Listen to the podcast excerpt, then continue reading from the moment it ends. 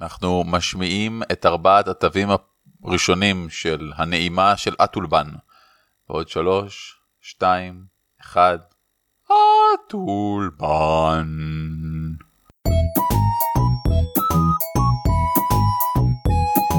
על כתפי גמדים. פודקאסט ישראלי על משחקי תפקידים.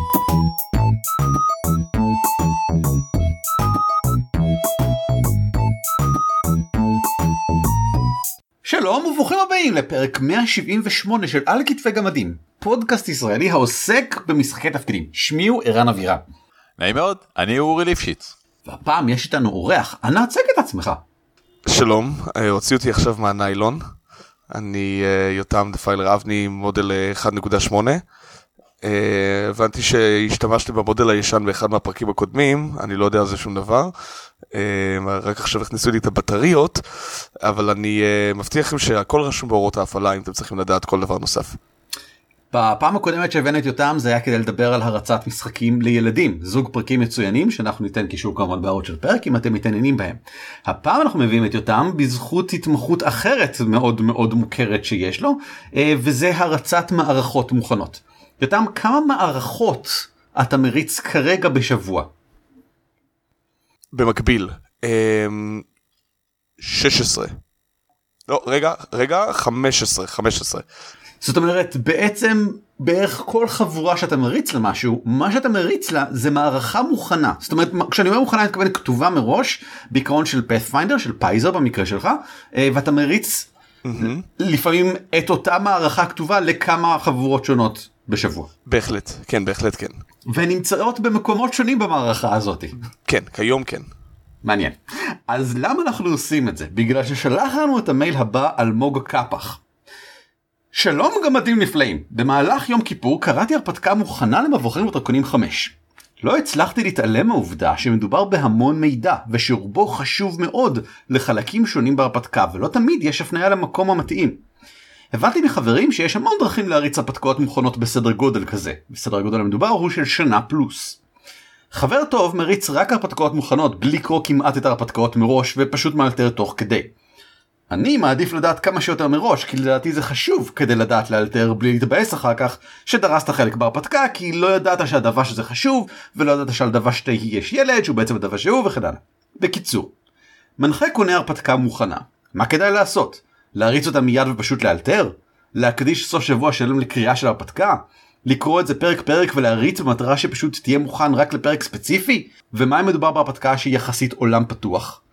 תודה על הטיפים מראש יקל עליי מאוד הוא אמר את זה כשזה היה ביום כיפור אז לא כך רלוונטי ברגע זה אלמוג קפח מנחה מדופלם. עכשיו לפני שאנחנו נכנסים לעניין הם, רק חשוב לי לציין שדיברנו כבר וכבר לא מזמן על הרצת הרפתקאות מוכנות אז אנחנו ניתן קישור לפרק הזה. בפרק ההוא ענינו על הרבה מהשאלות שהוא בעצם שואל כאן כבר עכשיו. אבל אמרנו לעצמנו שזה לא מספיק ושבעצם כשהוא אומר סדר גודל של שנה פלוס זה לא הרפתקה מוכנה כמו שזה מערכה מוכנה. עכשיו ייתכן שיש אנשים בקהל שלא מכירים את הקונספט. אולי מבחינתם הרפתקה מוכנה זה מה שידוע כמודול זה משהו שאתה אמור להריץ אותו שניים שלושה מפגשים ואז הוא מסתיים ואז עוברים למשהו אחר המודול הבא או משהו שהמנחה יוצר וכן הלאה. אבל יש גם מערכות מוכנות והן לא בדיוק חדשות בעולם ובשוק משחקי התפקידים. אה, כבר בשנות ה-80 אני יודע על מערכות מוכנות שהיו של אה, Call of Cthulhu והיה לשדורן ובשנים האחרונות מפורסמות בזה בעיקר שתי החברות הגדולות פייזו וויזרד of the Coast שמוציאות לפאת'פיינדר ול-D&D 5 בעיקר מערכות מוכנות. זאת אומרת כל מוצר שני שיוצא היום ל-D&D 5 למשל הוא מערכה מוכנה הוא הרפתקה שאתה אמור להריץ במינימום חצי שנה ייתכן שנה תלוי כמה פעמים אתה נפגש בשבוע. פייזר מוציאים כל חודש על בסיס קבוע את החלק הבא של המערכה מתוך סטים קבועים של כל מערכה לוקחת שישה חודשים שש הרפתקאות שכמובן אתה יכול להריץ אותם הרבה מעבר לזה. אני למשל כרגע משחק במערכה שנקראת אחרון הצדיקים שאנחנו משחקים לדעתי כבר שנתיים אם לא שלוש וזה הגיע כאמור בשישה חלקים שש הרפתקאות שהופכות לסיפור אחד גדול.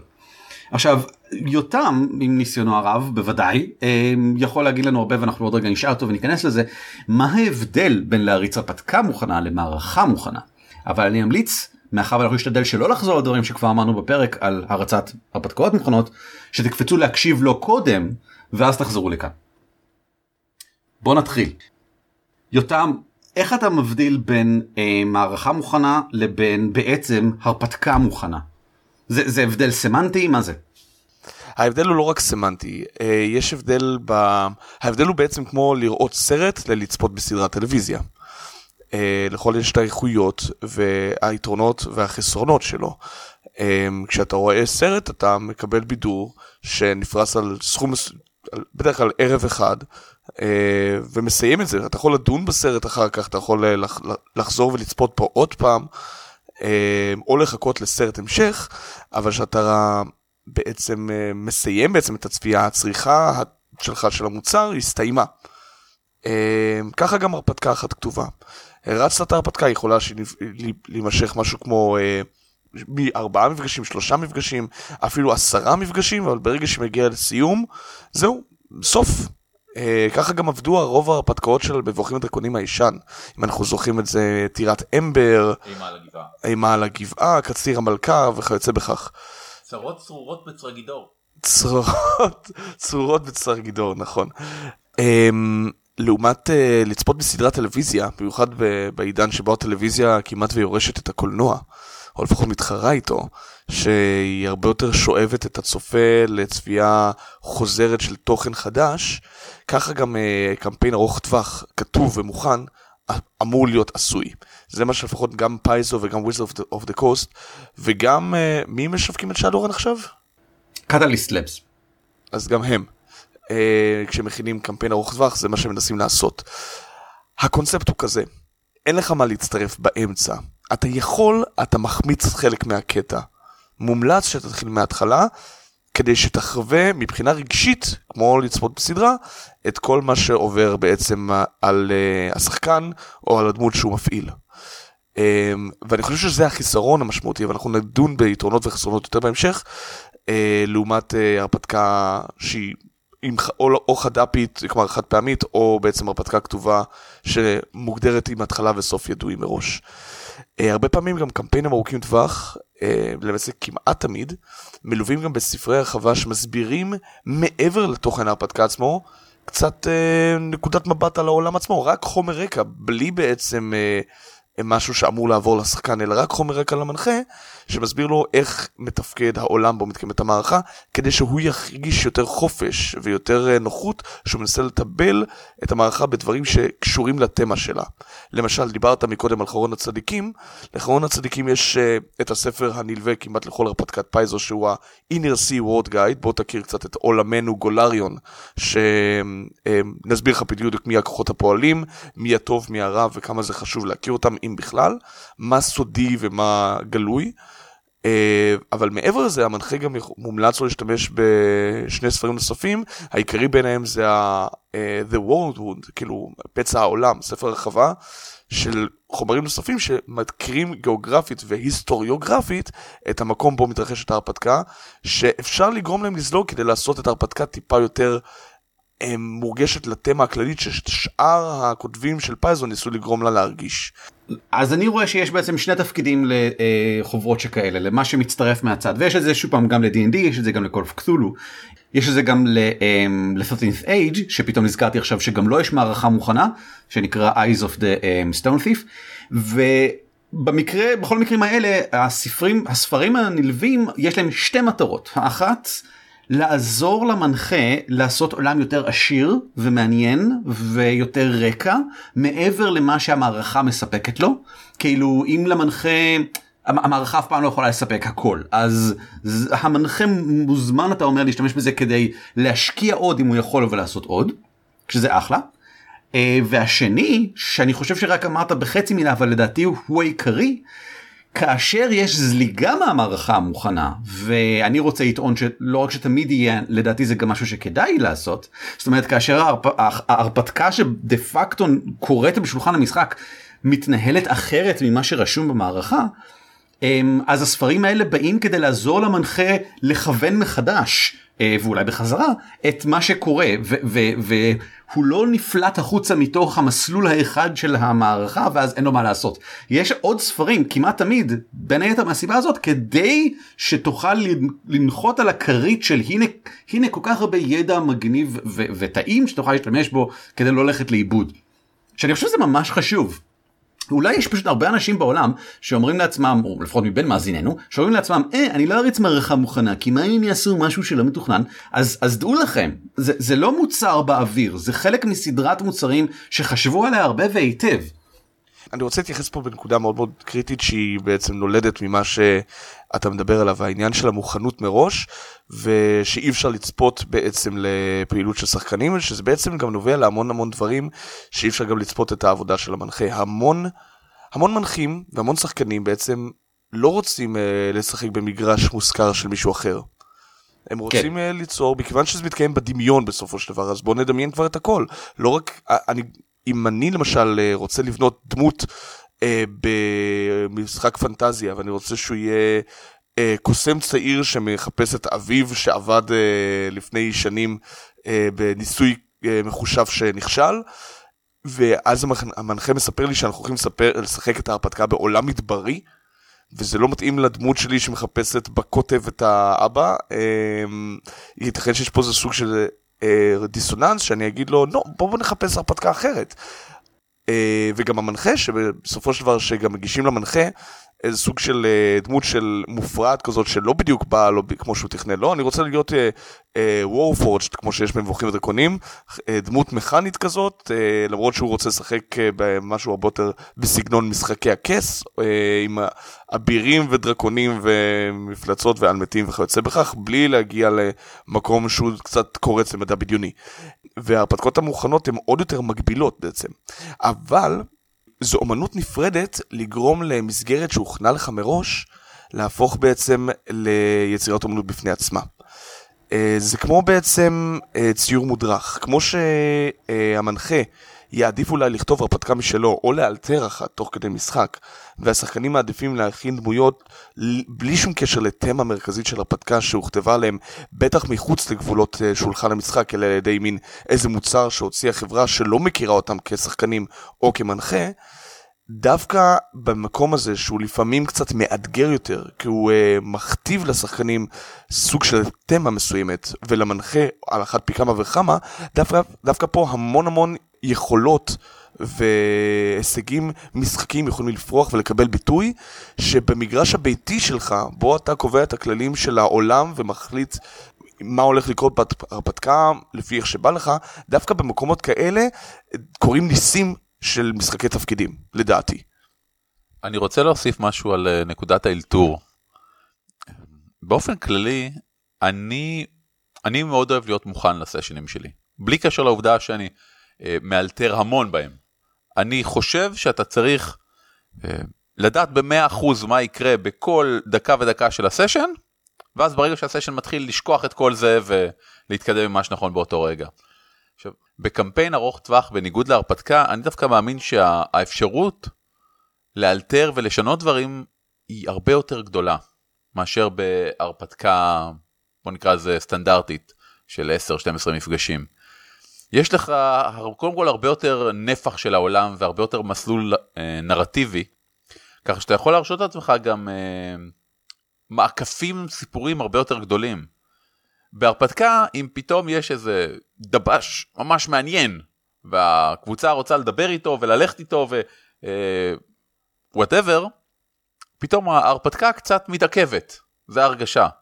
לעומת זאת בקמפיין ארוך טווח, שגם ככה אתם הולכים לשחק אותו שנה, שנתיים, שלוש, וואלה, הדב"ש הזה מגניב להם? סבבה, בואו עכשיו ארבע סשנים, נהיה רק איתו, ונעזור לו ללכוד בראשים בעליית הגג שלו. ואז אפשר להמשיך לחזור לסיפור. זה לא באמת מפריע לנו, בגלל שיש את הגודל הזה, שבו שלושה ארבעה סשנים יכולים ללכת על כיף, בלי לפגוע בסך הכל הקשת הסיפורית הגדולה שלנו. אוקיי okay, דיברנו הרבה עכשיו על הלגיטימציה של בעצם אה, מערכות שכאלה וזה מצוין ואני חושב שיש הרבה מה להגיד על זה אבל פשוט בחמת הזמן אני רוצה להתקדם קדימה. ולדבר קצת על אה, יותר פרקטיקה, משהו יותר ספציפי למשל, וזה משהו שהתחלת לציין מקודם, וזה העניין של הכנסת הם, אמ, דמות, או אולי יותר נכון, הכנסת הקונספט הדמות של שחקן לתוך עולם המערכה. של מערכה מוכנה. עכשיו אם נחזור לדוגמה שלך מקודם כשאתה הולך לראות אה, בין אם זה סרט או סדרת טלוויזיה אתה יודע אם זה דר דביל אתה יודע מה הז'אנר. ואתה יודע um, שזה בניו יורק ואתה יודע באיזה תקופת זמן זה ואתה יודע um, עם איזה סוג איזה רמת עוצמה עם איזה סוג של סיפורים יסופרו שם. בדר דביל לא מספרים למשל סיפורים על uh, התאוששות מאובדן um, ודברים שכאלה. בשביל זה יש את ג'סיקה ג'ונס. אנחנו משחקים את דר דביל ויש לזה תמות מסוימות. עכשיו כדאי שכולנו נשב ביחד ונבין את זה כדי להבין מהם הגבולות שבתוכם אנחנו יכולים ללכת רחוק אבל ברגע שהבנו את זה. הגבולות האלה יותר מעצבים אני חושב מאשר מגבילים. זאת אומרת אם אתה רוצה לשחק את הקוסם שאבא שלו עבד בתאונה אין בעיה אבל אולי אם אנחנו משחקים הערכה שבה אנחנו צריכים להציל את מנדב מהשדים אה, אולי הקוס... אבא שלך היה אה, קוסם בקרוסיידס כנגד השדים ואולי הוא עבד עם ככה איפשהו בארץ השדים. זאת אומרת בוא נמצא דרך להתאים את זה למה שקורה כאן ואולי אתה עכשיו בגלל זה שונא שדים לא רק מחפש אותו אלא גם עם איזושהי שנאה ספציפית לגזע השדים כולו לשדים מסוימים למשהו לא יודע מה זאת אומרת בוא נשב ונמצא את זה. ועושים עבודה מאוד טובה בימינו במוצרים האלה שוב פעם אני מאוד לטובה את פאת'פיינדר גם את שדורן וגם אה וגם את uh, 13th Age וכמובן שגם D&D שאומרים כבר על ההתחלה הנה כל מיני דברים שכדאי לשחקנים לקרוא כחומר מקדים לפני ההרפתקה. פאת'פיינדר uh, הולכים מאוד רחוק עם זה uh, האמת שאני חושב שגם D&D בעצם שמציעים מוצר אה, pdf חינמי ארוך למדי איזה איזה 24 עמודים אני זוכר נכון אה, אתה לא צריך לקרוא את הכל יש כאלה של 16 ו12 גם. בסדר גמור אה, עם basically כל המידע שהשחקן צריך לדעת לפני שהוא נכנס לזה בדיוק בשביל המטרה הזאת כדי שהוא גם כדי שיהיה לו את המידע ההיסטורי לפני שהוא נכנס פנימה אה, כי אז יהיה לו יותר מהנה להבין מה קורה סביבו כי אם מתחילים להגיד מנדב מנדב מנדב אה, עדיף שכבר תקרא לפני כן את ה... נגיד חצי עמוד על מנדב כדי שתבין מה זה אומר כשאומרים לך שמנדב נופלת זה לא סתם איזושהי מדינה זה מדינה שיש לה חשיבות כשהיא נופלת ודברים שכאלה. אה, אבל יותר מזה זה גם איזה סוגים של סיפורים אנחנו רוצים לספר כאן. וב-Wrath of the Righteous בחרון הצדיקים מספרים סיפורים שתאמינו לי לא מספרים ב-Mummy's Mask למשל. זה פשוט סוגים אחרים לחלוטין של סיפור. ואם ממש ממש כשחקן הכי חשוב לך בעולם לשחק משהו אחר אז זה לא השולחן בשבילך. זה אבל אבל אבל על לגיטימציה כבר דיברנו. אז עוד מילה אחת אחרונה שלי על עניין ההתאמת אה, החזון לדמות לתוך המערכה. כל הדברים שעליהם דיברתי וגם המערכה שעוד לא דיברתי עליה ואני ארחיב עליה אחר כך The Enemy Within המערכה המוכנה מראש של וורהמר מהדורה שלישית שאני מריץ אה, בימים אלו כולן מציעות לשחקנים מלכתחילה גם רקעים מכניים שמחוברים לעולם וזה לא רק עניין של לתת בונוסים מסוימים זה גם בדרך כלל עניין של לתת לך מוטיבציה אה, לדמות שמחוברת לתוך העלילה של מה שקורה. ולתוך עולם העלילה ולתוך עולם התוכן ולתוך התמות וממש אה, לקבע ולהשריש את הדמויות בתוך העולם והרעיון של ההרפתקה. בפאת'פיינדר עשו את זה באמצעות כך שנותנים לך אה, ממש מספר רקעים זה סוג של זה background זה משהו שנמצא בתוך המערכת והוא נותן לך בונוס מאוד קטן אבל לדוגמה ב-Wrath of the Righteous הסתבר אחר כך שהם מאוד מאוד רלוונטיים. אם הרקע שלך הוא ההורים שלי נהרגו בקרוסיידס אחר כך זה יכול להיות מאוד רלוונטי כשאתה מגיע למקום שמסתבר זה המקום שבו הם נהרגו ואולי אתה יכול למצוא את רוחו של אביך או של אבותיך וכן הלאה וזה הופך להיות מאוד רלוונטי לעלילה האישית שלך מה שבחרת ביצירת הדמות. ב-Enemy Within יש שישה מין ארכטיפים כאלה למשל הם, מנוסה בקרב אה, קרימינל אה, אקדמאי אלה דברים שגם נותנים לך איזשהו בונוס די מגניב. אה, שזה אגב משהו שמאוד מאוד נעים כשנכנסים למערכה מוכנה להתחיל עם בונוס די מגניב אתה מרגיש אה זה, זה מיוחד המערכה הזאת מיוחדת יש בה בונוס מיוחד שאין מחוץ לה וזה מעניין כי זה, זה, זה, זה מצחיק אבל זה באמת עוזר. וכל אחד מאלה גם כן חוץ מזה שהוא נותן רקע קצר על תחילת המערכה גם משתלב אחר כך בהמשך מבחינה מכנית מספר פעמים בפנים אה, אם הדמות הזאת היא קרימינלית אנשים מסוימים יפנו אליה למשל שלא יהיו פונים אחרת. אמ, וזה נותן לך כשחקן, במיוחד אם המנחה אומר לך את כל מה שאמרנו עכשיו, המון תחושה של וואי איזה מגניב זה באמת הסיפור שלי הוא בשבילי אני בחרתי להיות קרימינל אני מקבל עכשיו דברים בזכות זה בזכות הבחירה הזאת השפעתי משמעותית והדמות שלי מתוגמלת על כך שהיא ממשיכה להתנהג ככה או הופכת למשהו אחר זה לא משנה מה שהיא לא מה שהיא לא תהיה אני מתוגמל. שזה דבר נהדר בעיניי כי זה מונע מצב שקורה במספר הרפתקאות מוכנות אה, קטנות יותר למשל שהדמות שלך תעזוב לא מתאימה תמטית או משהו שפשוט באמת פחות יעילה. לי יצא לשחק קוסם שמתמחה בחשמל ושליטת מוחות באנשים בהרפתקה שהתברר בדיעבד לי שהייתה כל כולה סובבת על מתים. שרובם המוחלט הם עמידים לחשמל ושליטה מנטלית. אז הקוסם שלי היה די חסר תועלת. כן. לייטון ספרקל, מי ייתן ונשמתו תנוח עליה בשלום. בסדר גמור. אה, יותם, מה, מה יש לך להוסיף על זה? כל הדברים שאמרנו מאוד מאוד נכונה על uh, ה-Players Handbook של פייזו uh, ושל uh, Wizards of the Coast והדפים ששדורן מחלקת לפני הרפתקה כדי uh, להבין קצת uh, את התמה או הנושא והדרך לחבר בין השחקן לדמות להרפתקה המוכנה מראש. זה האלף בית אבל זה גם משהו שאנחנו רואים בהרבה פעמים גם בהרפתקאות כתובות שהם לא לקמפיינים ארוכי טווח. אה, זה אמנם לא כן. לא מגיע כספרון נפרד, אבל זה לא מה שמייחד קמפיין ארוך טווח.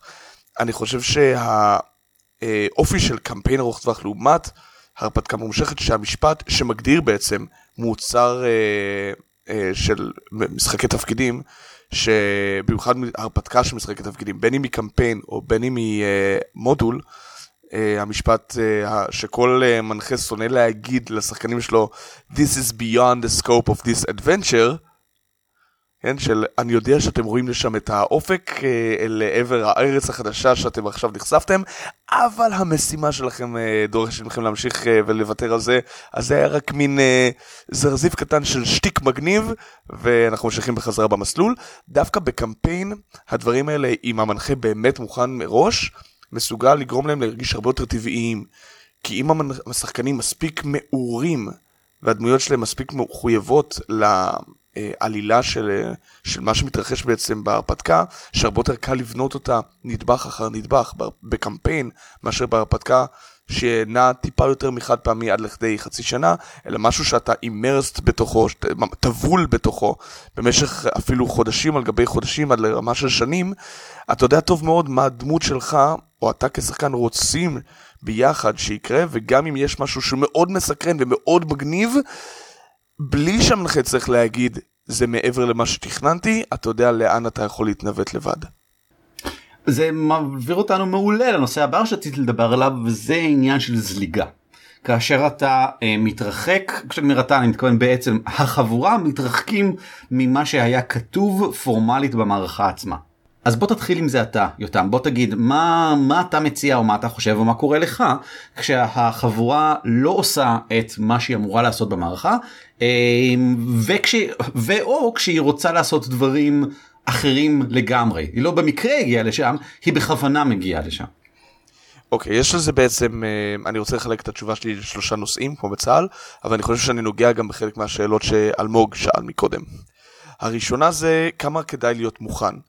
התשובה הראשונה זה מה קורה שאנחנו רוצים בעצם אה, לצאת החוצה שהשחקנים והדמויות מושכים לכיוון שהמנחה לא יתכונן אליו.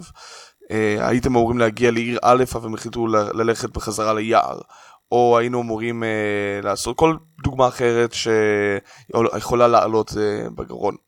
אה, קודם כל, אם אנחנו קראנו את ההרפתקה מההתחלה ועד הסוף, ולא, אנחנו לא סתם מאלתרים, אנחנו יודעים גם את החשיבות של האם באמת חשוב להגיע לעיר א' הזאת או לחזור ליער, כי אם אנחנו אמורים לפגוש איזה סוג של אה, דמות לשחקן דבש בעיר הזאת, אבל אפשר עם שינוי קטן, בלי לפגוע בתמה המרכזית של הרפתקה, לשים אותו גם בכפר קטן ביער, לא פגענו בשום דבר. אז נכון, אנחנו צריכים לעשות שינויים קוסמטיים, אבל אנחנו לא יכולים לעשות את זה כשאנחנו רצים ולא יודעים מה קורה הלאה. ולכן, חוק מספר אחד בכל מוצר כתוב, בין אם זה ספר חוקים, הרפתקה, קמפיין, בוא נקרא אותו קודם.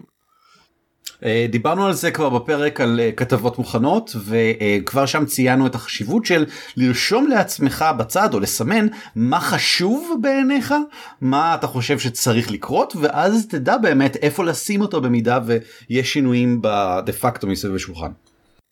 וזה מחזיר אותנו גם לשאלה הכל כך אה, מטרידה של רייל רוטינג. בהרפתקה מנחה מפעיל סוג של הסללה מסוימת לדמויות כדי שהם יגיעו למקומות שבהם ההרפתקה מתרחשת. הוא יכול להגיד להם, אוקיי חבר'ה, ארגז חול, כל אחד יעשה מה בא לו. אבל הרפתקה שיש לה סוג של התחלה, אמצע, סוף, צריכה להביא אותם לנקודות מסוימות.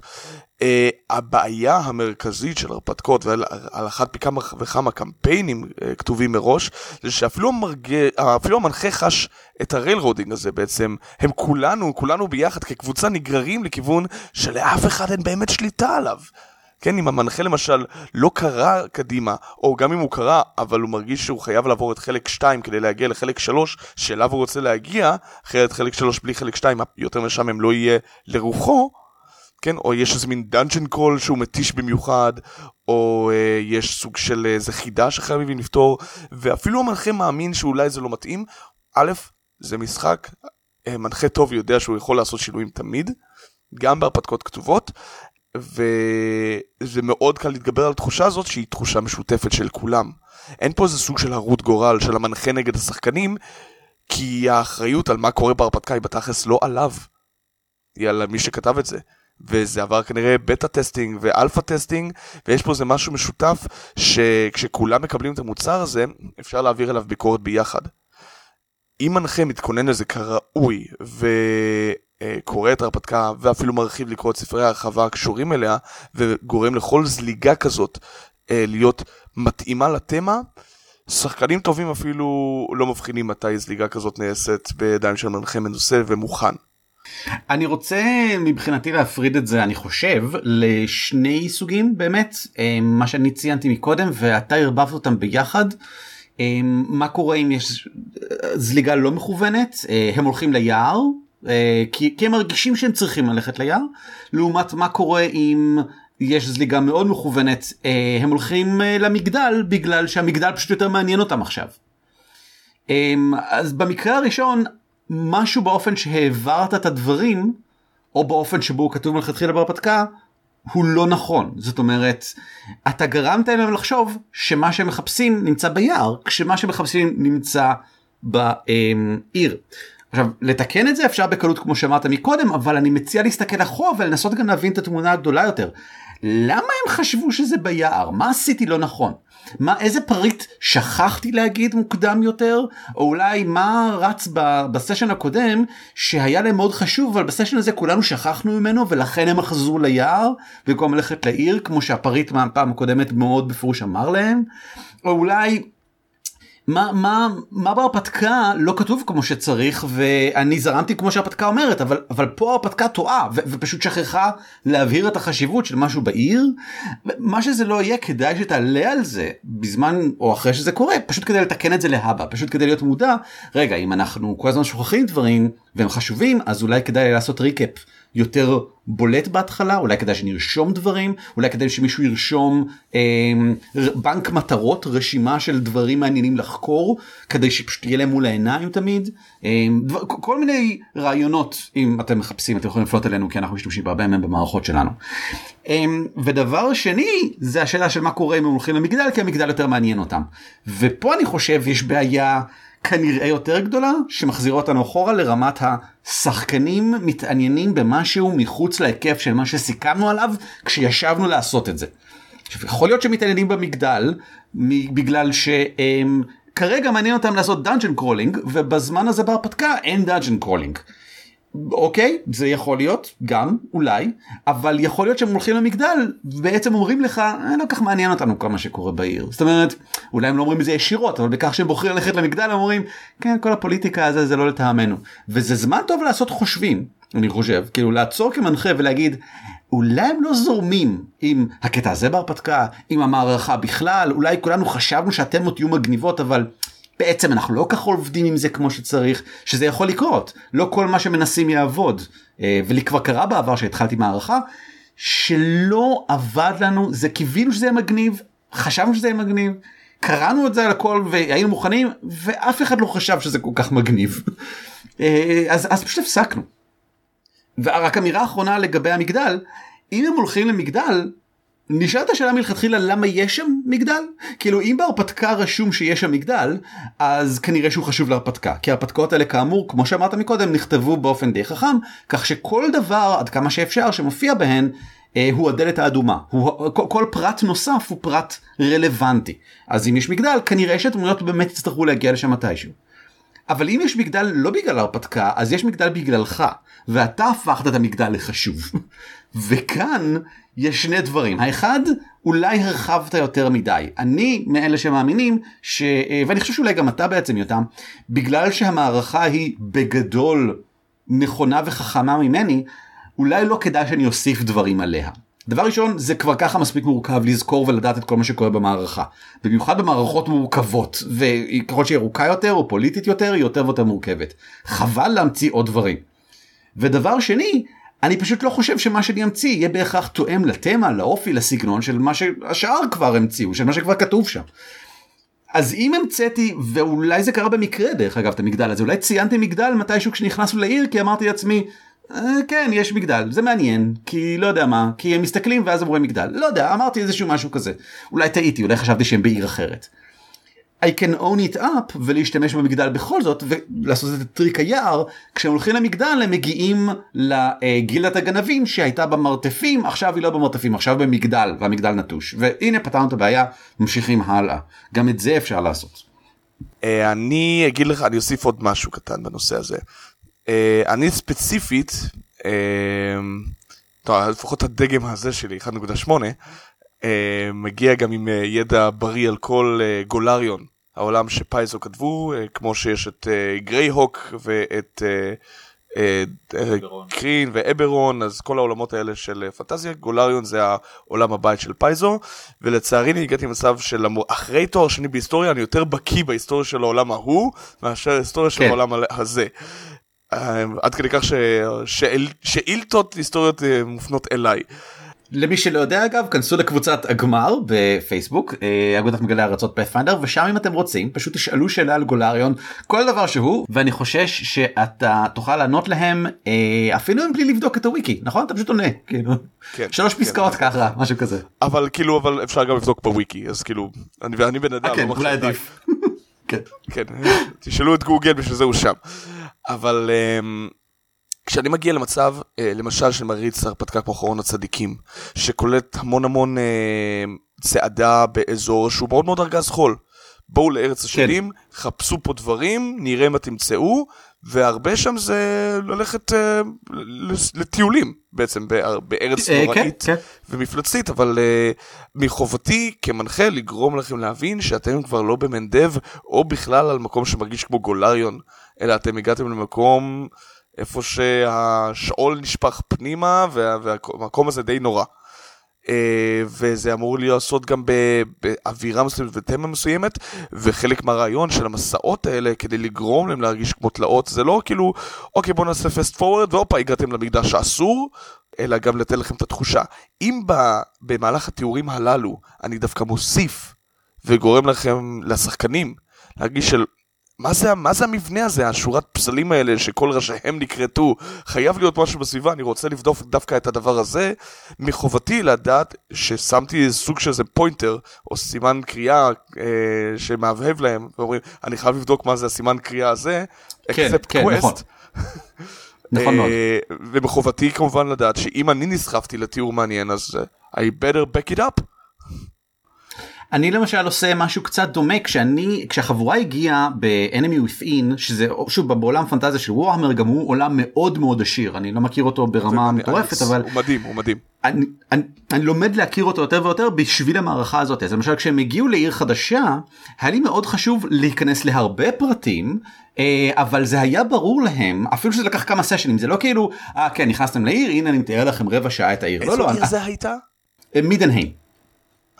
אה, בירת מידלנד, אה, עירו של הזאב הלבן. וכאשר הם מסתובבים בעיר, במשך מספר מפגשים, לא, שוב, לא, לא המפגש הראשון, מדי פעם אני מציין משהו. אבל אני לא...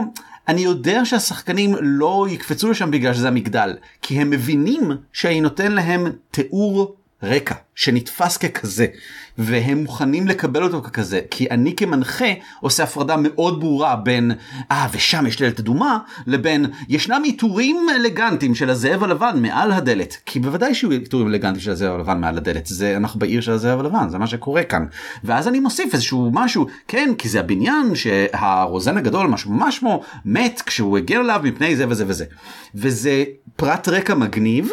ובבירור לא רלוונטי להרפתקה. ואני חושב שזה חשוב באופן ההנחיה של מנחים לדעת להבדיל בין הדברים האלה. אני לפחות אישית כמנחה מאמין שצריך להיות הבדל גדול בין כמה קולות שונים של מנחה ולפעמים בהחלט אומר דברים באופן ישיר כן כן אני פשוט אומר לכם שתדעו שזה ככה וככה אין שם שום דבר מעניין בואו נמשיך. בדרך כלל לא באופן כל כך בוטה אבל בגדול. זה, זה טוב שאתה יכול להגיד את זה לשחקנים שלך. אני, אני יכול להגיד בניסיון שחלק מהשחקנים שלך לא יודעים להבדיל בין הקולות האלה, אבל זה בסדר. אבל uh, במקרה הזה אני גם יכול להגיד שהבעיה היא בשחקנים. um, אני רוצה לעשות hijacking רגע לשיחה ול... ולציין משהו שאני חושב שלא אמרנו קודם, וחשוב להגיד אותו למאזינים שלנו.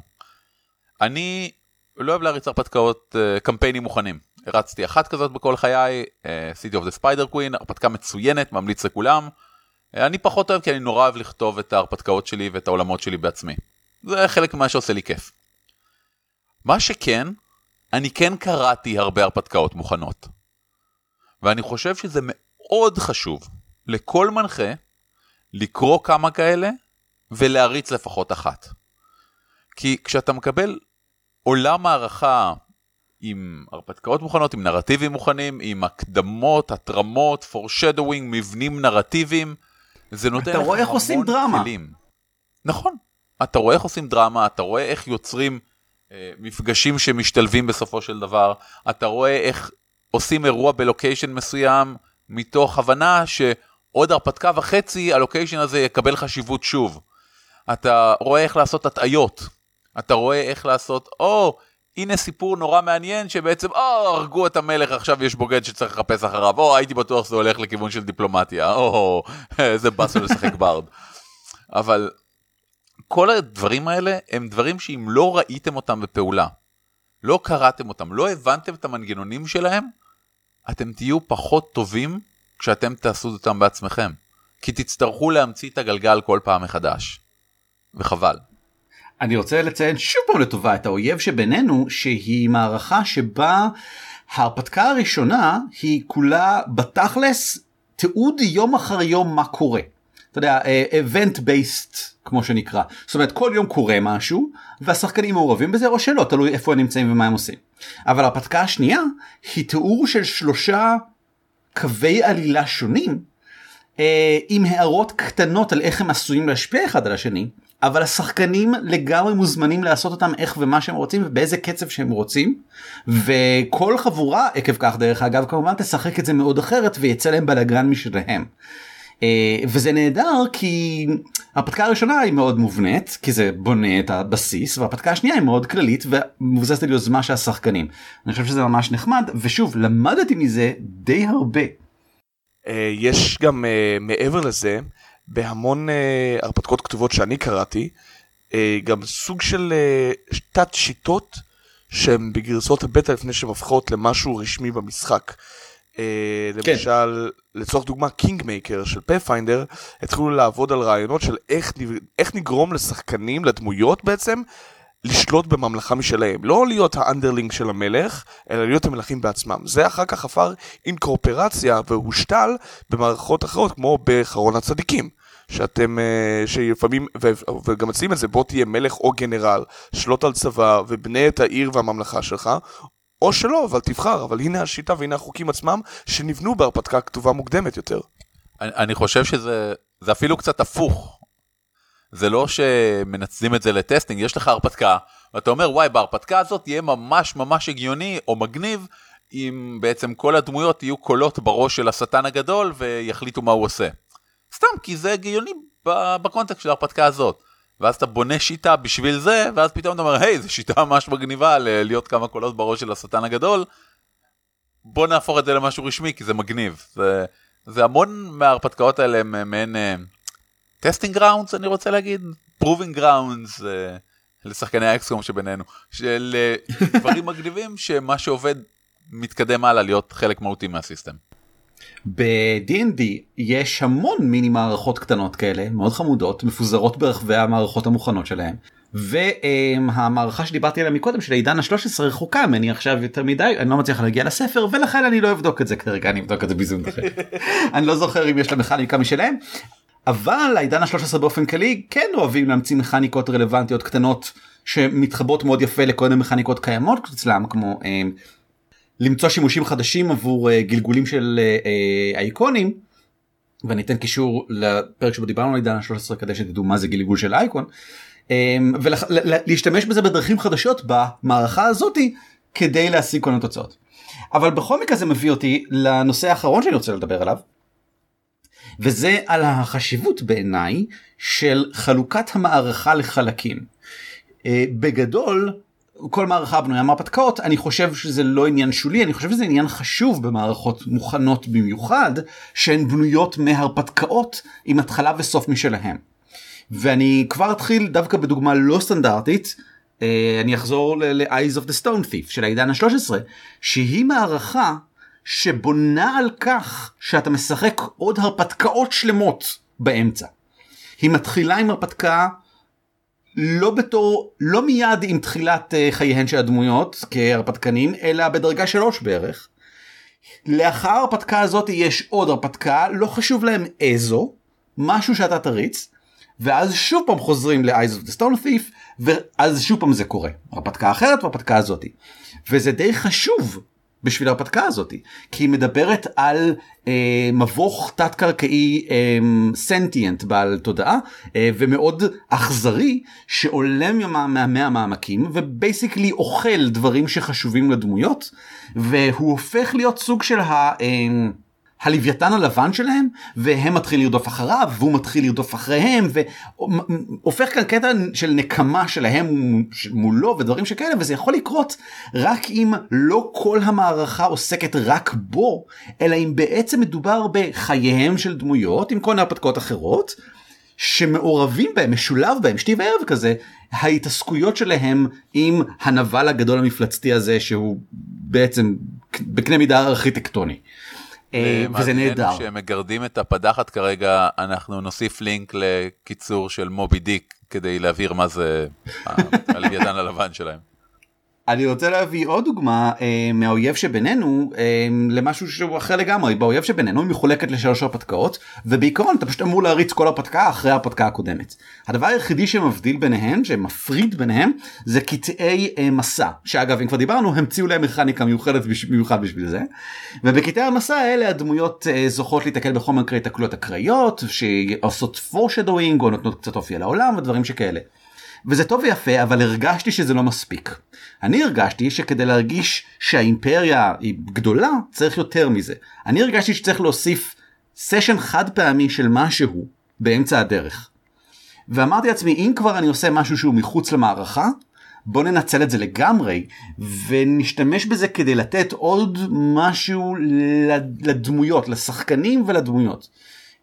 במקום שבו לא הצלחנו או מערכה לא יכולה לספק לי דברים שהשחקנים מעוניינים בהם זה המקום אני חושב להכניס את זה.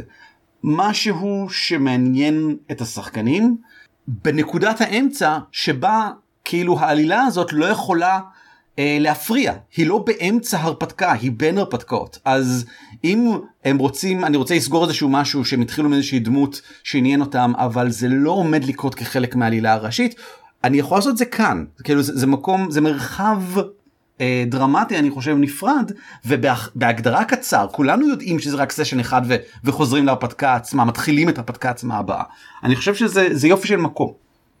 אני חושב שהדוגמה הכי טובה להתרשם מהרפתקאות בהמשכים זה פשוט לראות את באפי. את הסדרה באפי. תחשבו על זה. תרחיב תרחיב. אני, אני, אני ארחיב. תסביר בדיוק למה אתה מתכוון. אוקיי. מי ה villain של העונה הראשונה של באפי, מר ליפשיץ? The Master. נכון? אבל אנחנו כבר פוגשים את הווילנים של העונה השנייה במהלך העונה הראשונה. אינג'ל וספייק. אה, בסדרות טלוויזיה, כמו למשל Buffy the Vampire Slayer, או Justice League, שזכתה לחמש עונות בזמנו, כאלו ואחרות, יש סוג של תמה לכל עונה. אה, יש איזה סוג של איזה מין אה, רשע אה, גדול שמחכה או מזומם במהלך העונה עצמו, יש סוג של עימות שמתקרבים עד אליו, לפעמים באמצע העונה ואז מתגלה הרשע האמיתי מאחוריו, או האפטר אפקט של מה שקרה שנלחמנו בו, ויש סוג של לקחים שנלמדים ככל שהזמן עובר. בשיטות שהן פרוגרסיביות, כאילו שיש התקדמות, כמו למשל בפאת'פיינדר, במבוכים ודרקונים, איזה עוד שיטות אנחנו מכירים שהן כאלה, לא רלוונטי עכשיו. אה, זה מאוד מאוד ברור שאתה הולך ומתחזק. Mutants and Masterminds זה פחות מורגש, אבל בעוד שאתה מרגיש, מתחיל כאילו למשל בהרפתקה היחידה שהם שחררו, שהיא Adventure Path. ה Silver Storm מהמהדורה השלישית, אתה מתחיל בתור מי שקיבל את כוחות העל שלו עכשיו, מאיזה אירוע מכונן כזה שגרם לי פתאום להמון אנשים להשתגע, ועם הזמן אתה לומד להכיר קצת אה, את ה... אתה נמצא במקום ש... בעיר Emerald City, ולאט לאט לומד להכיר את ההיסטוריה שלה, לומד להבין את ה... הפשע העל, אה, בעל כוחות העל שמתארגן בה כדי למנוע אותו, ובסופו של דבר גם מגיע למצב שבו למה קיבלת את כוחות העל ומה קרה שגרם לך אותם, אה, סוג של איזה מין חידת מסתורין גדולה כזאת, שיש סוג של final boss בסופו של דבר, ואפילו, כמו שאוהבים לעשות גם בפייזו, סוג של after final boss, אם אתם ממש צמאים לעוד. בפאת'פיינדר ובמבוכים דרקונים שהעליית דרגות היא מאוד מאוד מורגשת, כן? אסור לך לתת את, ה, את הווילן של אה, הרפתקה 2 לא, בסוף uh, הסיומת של uh, ההרפתקה הראשונה, כי הדמויות פשוט לא יוכלו להתמודד עם רמת הקושי הזאת. הרבה יותר קל לעשות foreshadowing, כאילו uh, לגרום לאנשים להבין, אה, הוא היה רק שליח של האיש הרשע האמיתי, uh, וכיוצא בכך, וזה מרגיש הרבה יותר הגיוני, כי גם אנחנו הולכים ומתחזקים. למעשה חלק מהבעיות הכי מרכזיות, שברגע שאתה שם את הקלף של הנה הווילן עוד מתחילת הדרך, כן, אנשים מבינים, אז בואו נלך להילחם בו עכשיו, זה הדבר הכי הגיוני לעשות, אבל במשחקים כמו פאת'פיינדר, או אני לא יודע איך enemy within, האויב מבפנים עובדת בוורברים, גם שם יש סוג של התחזקות פרוגרסיבית, כן. אה, האם, גם שם יש סוג של וילן גדול שמחכה בסוף, איזה מין ערבעל דה undefeated, או קרזוג דה קליימר, או כל מיני uh, נבלים שמחכים בסוף uh, כל הרפתקה, מחכים להם וזוממים את כל הדרך. אבל אני חושב שהיתרון, שתי יתרונות מאוד מהותיים של הרפתקה כתובה, וזה חייב לעלות לשידור איכשהו, זה יש דרך לדעת מראש, עוד לפני ששיחקנו, עוד לפני שקראנו את ההרפתקה, האם אנחנו בכלל רוצים לשחק אותה. שחקן ומנחה גם יחד. פשוט נכנסים ובודקים את הביקורת מוצר. כמו שלא כן, משנה אם אנחנו אוהבים את המשחק, אנחנו יכולים באמת להתרשם. אך, אה, מנחה יקר, גיליתי שזה מין משהו בסגנון אלף לילה ולילה, לא בא לי לשחק הרפתקה בסגנון אה, אלאדין וסינבד ודברים כאלה, האם אפשר לעשות משהו יותר ויקינגי, אני אשמח, או ההפך. ומעבר לזה, וזה היתרון הכי גדול של הרפתקאות כתובות, אפשר לחלוק את חוויית המשחק שלך עם קבוצות אחרות שעשו את זה גם כן. ופה אתה הופך חוויה שהיא מאוד אינטימית, בין מנחה לקבוצת שחקנים קטנה, למשהו שיכול להיות גם כלל עולמי. שאתה מדבר עם החברים שלכם בכל העולם, בפורומים או בצ'אטים או בנפגשים ואומרים, נו, אז אתם כבר סיימתם את חלק 2 עם הבוס הרשע הוא שם. וואה, שני שחקנים מתים ושלוש דמויות מתות.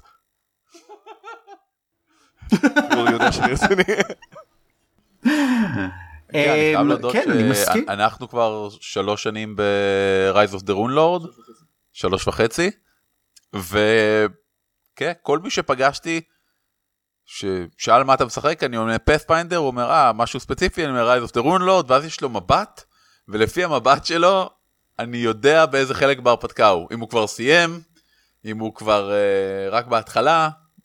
יש משהו מאוד מאחד, זה שוב כמו מאוד מאוד קרוב ל- לראות סדרה בטלוויזיה. אתה לא רוצה לתת לחברים שלך שעדיין לא הגיעו לפרק הזה את הספוילרים, אבל יש איזה משהו מקרב ביניכם.